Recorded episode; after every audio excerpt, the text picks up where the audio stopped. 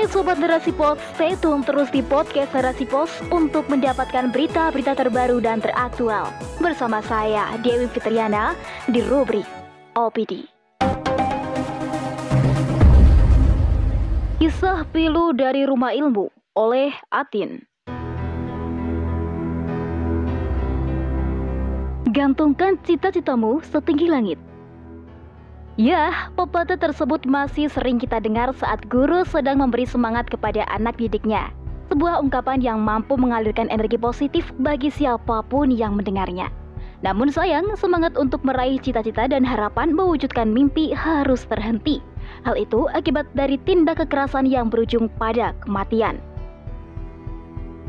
Peristiwa tragis tersebut dialami oleh mahasiswi 20 tahun Safira Aziz yang meninggal dunia saat mengikuti pengkaderan Senat Fakultas Kesehatan Masyarakat di Universitas Muslim Indonesia Makassar, Sulawesi Selatan. Pengkaderan yang diikuti oleh ZA dipusatkan di Fakultas Nia yang berada di Tinggi Moncong, Kabupaten Goa. Meskipun sempat dibawa ke puskesmas terdekat, namun nyawanya tidak bisa diselamatkan. Ayah korban AZ mengungkapkan bahwa sebelum berangkat dalam keadaan sehat, namun AZ mendapatkan kabar bahwa putrinya telah meninggal dunia dalam kegiatan tersebut. AZ juga menyampaikan apabila ada dugaan kekerasan dalam kegiatan pengkaderan, maka harus diusut sampai tuntas oleh pihak yang berwajib semua itu dilakukan agar tidak menimbulkan teka-teki dan rasa saling curiga. Hal tersebut disampaikan ayah korban pada Minggu 24 Juli 2022. Untuk kesekian kali, dunia pendidikan kembali memakan korban. Dugaan kasus kekerasan dalam kegiatan kemahasiswaan pun muncul. Kasus ini juga masih dalam penanganan pihak yang berwenang. Kematian ZA masih menjadi misteri yang harus segera dipecahkan. Kematian korban yang masih berstatus mahasiswi tersebut kembali mencoreng lembaga pendidikan di negeri ini. Masih terlintas dalam benak kita tentang kasus kekerasan seksual yang menimpa para santriwati di pesantren yang berada di Jombang, Jawa Timur. Peristiwa yang melibatkan putra pemimpin pesantren itu ternyata harus melalui proses panjang yang berbelit-belit. Butuh waktu dua tahun untuk bisa membuat tersangka menyerahkan diri ke pihak yang berwajib. Lambannya penanganan kasus-kasus kekerasan yang menimpa di lembaga pendidikan membuat lembaga pendidikan menjadi sorotan. Meskipun kasus yang terjadi tidak melulu kasus kekerasan seksual, tetap saja hal itu menjadi sebuah kekhawatiran di tengah-tengah masyarakat. Sebab kasus kekerasan dalam kegiatan sekolah maupun kampus juga bisa menimbulkan trauma dan korban jiwa. Lembaga pendidikan sebagai tempat menuntut ilmu seharusnya bisa memberikan rasa aman dan nyaman saat proses pembelajaran. Hal tersebut menjadi poin penting agar proses belajar mengajar bisa berjalan dengan maksimal. Sebab sebuah lembaga pendidikan pada dasarnya memiliki fungsi dan tujuan untuk mencerdaskan kehidupan bangsa dan membentuk generasi yang lebih baik. Oleh karena itu, Bagaimana mungkin tujuan tersebut bisa terrealisasi kalau lembaga ini penuh dengan kasus-kasus kekerasan yang membuat anak didiknya merasa tidak nyaman dan kehilangan rasa aman? Rasa aman yang menjadi hak anak didik justru disalahgunakan oleh pihak-pihak yang seharusnya bisa memberikan perlindungan. Maka sudah saatnya lembaga pendidikan berfungsi sebagaimana mestinya yaitu menjadi rumah ilmu yang mampu memberikan rasa aman, nyaman, dan memberikan perlindungan bagi seluruh anak didik. Di samping itu, sebuah lembaga pendidikan juga harus memiliki visi dan misi yang jelas agar mampu membentuk generasi yang siap menghadapi berbagai tantangan yang menghadang saat mereka hidup di tengah-tengah masyarakat. Namun, untuk mewujudkan hal tersebut bukanlah sesuatu yang mudah, apalagi dengan melihat situasi dan kondisi sekarang, kondisi di mana lembaga pendidikan hanya dijadikan ladang bisnis. Sekolah-sekolah favorit hanya bisa dinikmati oleh mereka-mereka yang mampu secara finansial. Betapa sulit untuk mencari sekolah yang berkualitas dengan biaya yang murah.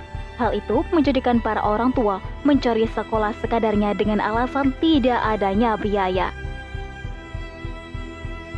Keadaan tersebut diakibatkan oleh sistem rusak yang hanya mencari keuntungan materi. Lembaga pendidikan dijadikan tempat untuk memperkaya diri. Hal itu menjadikan tujuan utama dari lembaga pendidikan tidak bisa berfungsi bahkan telah mati.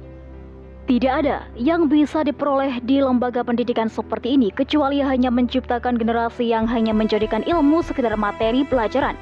Ilmu hanya sekumpulan lembaran-lembaran kertas yang hanya dihafalkan tanpa ada sebuah penerapan. Pendidikan dalam sistem ini juga hanya mencari sebatas titel agar bisa mendapatkan penghormatan di tengah masyarakat.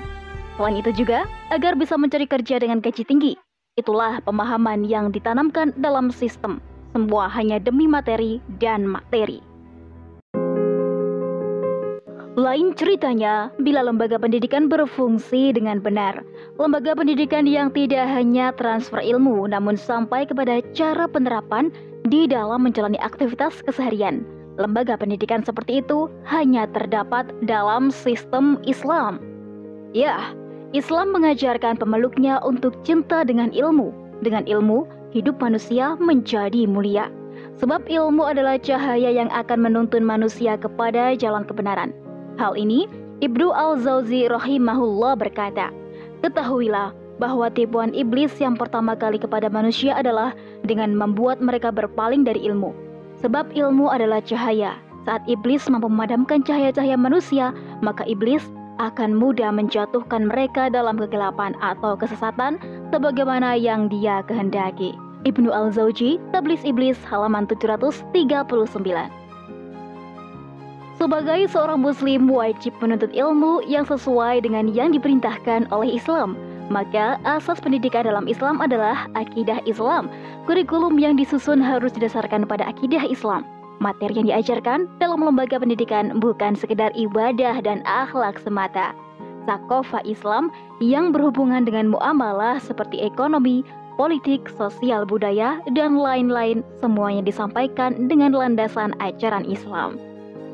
Dengan menanamkan akidah Islam yang kuat agar membentuk generasi yang berkepribadian Islam dan bermental tangguh Generasi yang paham Islam akan memiliki ikatan yang benar, yaitu akidah Islam. Ikatan ini yang menjadikan sesama muslim adalah saudara dan bagaikan satu tubuh. Rasulullah Shallallahu alaihi wasallam bersabda yang artinya, perumpamaan orang-orang muslim dalam hal kasih sayang dan tolong menolong yang terjalin antara mereka adalah laksana satu tubuh. Jika satu bagian merasakan sakit, maka seluruh bagian tubuh yang lainnya akan bereaksi dengan tidak tidur dan demam. Nah, dengan ikatan akidah Islam, rasa kasih sayang akan terbentuk dalam diri, sehingga tidak ada niatan untuk saling menyakiti.